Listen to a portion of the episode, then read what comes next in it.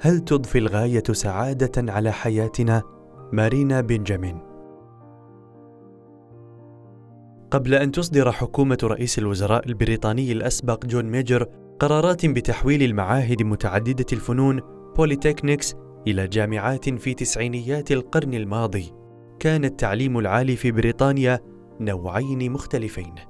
الجامعات التي تتبنى نموذج الجيمناسيون الإغريقي القديم في التعليم حيث يقبل الطلاب الذين يتعلمون من أجل التعليم. وإن كان هذا النموذج يترفع عن الكلاسيكيات والفنون المتحررة. أما معاهد العلوم التطبيقية فهي النوع الثاني.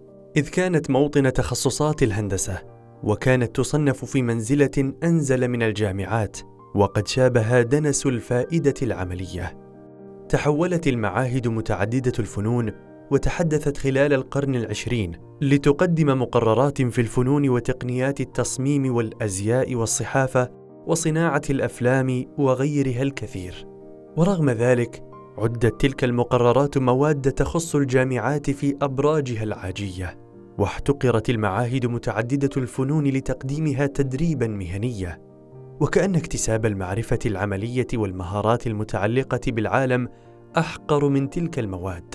وكأن تحقيق العلم لهدف ما كان امرا عرضيا وإن أردت عرض القضية عرضا اختزاليا فسأقول وهب النصف الأول من التعليم العالي الناس شيئا ليفكروا به بينما وهبهم النصف الآخر شيئا ينفذونه. ويذكرنا ذلك بمثل كاتب وقسيس القرن التاسع عشر جورج واشنطن برناب والذي كثيرا ما يستشهد به. إن ضروريات السعادة في هذه الحياة ثلاثة أمور. شيء تؤديه وشيء تهواه وشيء تتطلع إليه. إن مفردة vocation الإنجليزية حرفة أصلها كلمة نداء اللاتينية vocare وكانت تطلق أصالة على المرشحين والمؤهلين للكهانة استجابة لايعاز إلهي فالقساوسة قد استدعوا للخدمة. وفي خدمتهم تلك وجدوا السعادة والبهجة والمعنى. عندما نقول في يومنا هذا عبارة having a vocation لبى النداء يطرأ على بالنا مباشرة الأطباء والمحامون والفنانون. أي أولئك الذين لبوا النداء وأدوا الواجب قد عثروا على سبيل وصلة لفضائل سامية كالعلاج والعدالة والتعليم. لقد ضحوا بجانب من نفوسهم بسعيهم في تحقيق تلك الفضائل. وذابت تلك النفس في المجموعة إيثارا للمصلحة العامة.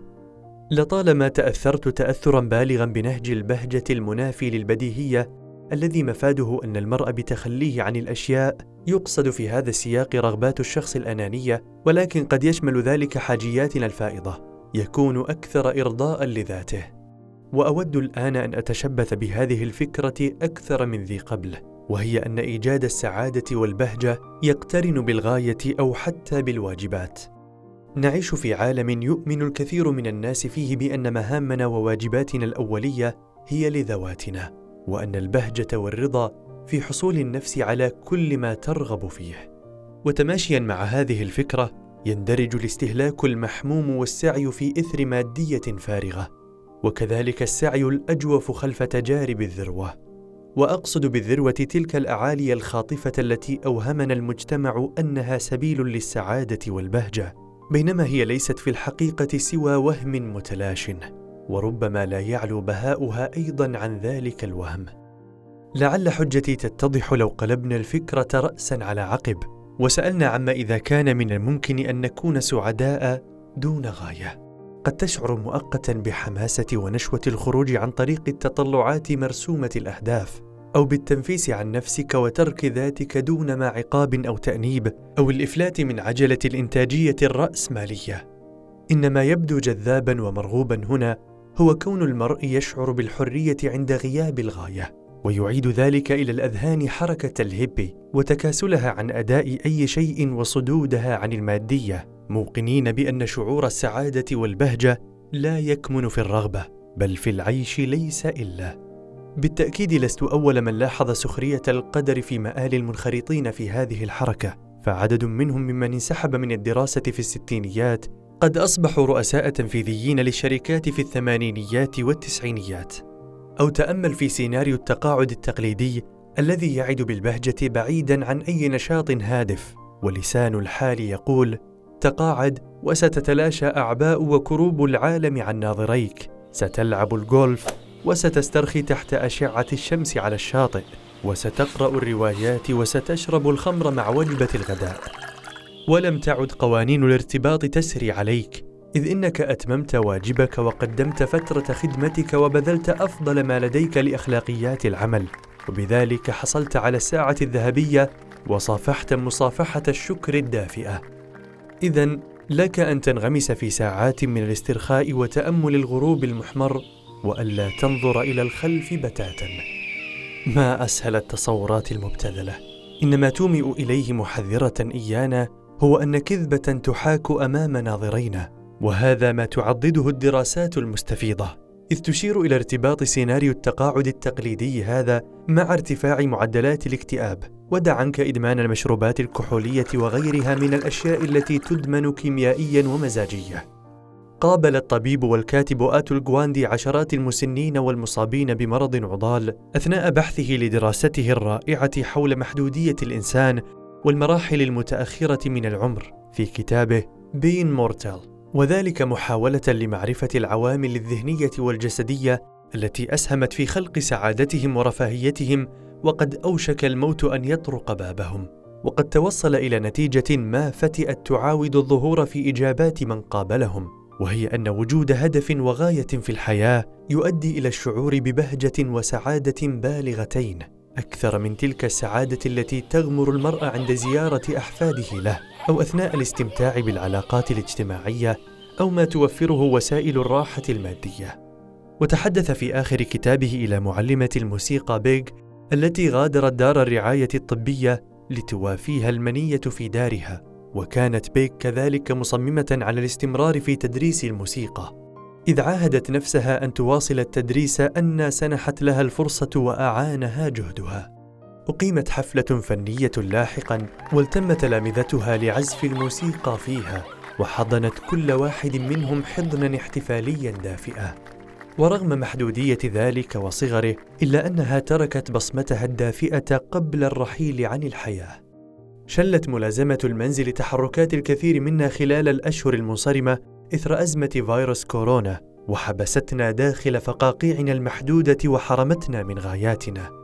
إن الاستسلام الإكراهي أسلوب لمعاملة الأطفال. حرمنا مؤقتا من حياتنا العملية، وحرمنا الاهتمام بعائلتنا وأصحابنا إلا من يعيش معنا في المنزل نفسه، وأبعدنا عن الخدمة الاجتماعية العامة. إلا إذا كنا عمالا أساسيين وبأسلوب المعيشة ذاك غمرنا ترح لا يصحبه أي فرح.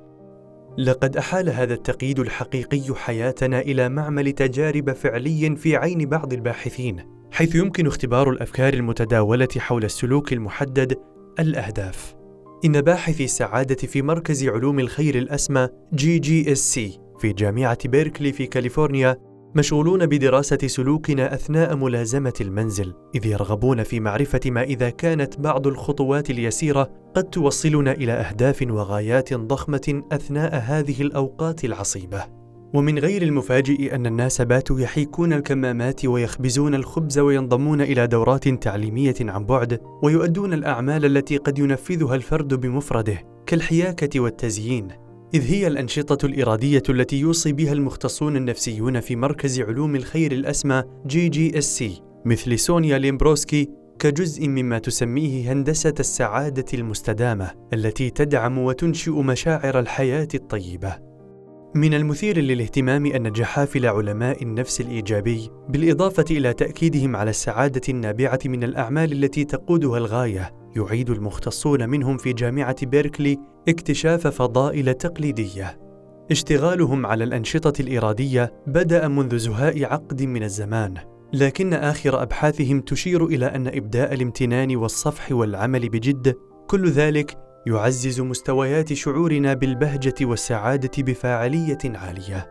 ومما لا شك فيه أن تلبية النداء المهني تندرج ضمن هذا النطاق أيضا. ومما أغدقني بالأمل أن أسس الحياة السعيدة في نهاية الأمر ليست تلك المغمورة بالأنانية.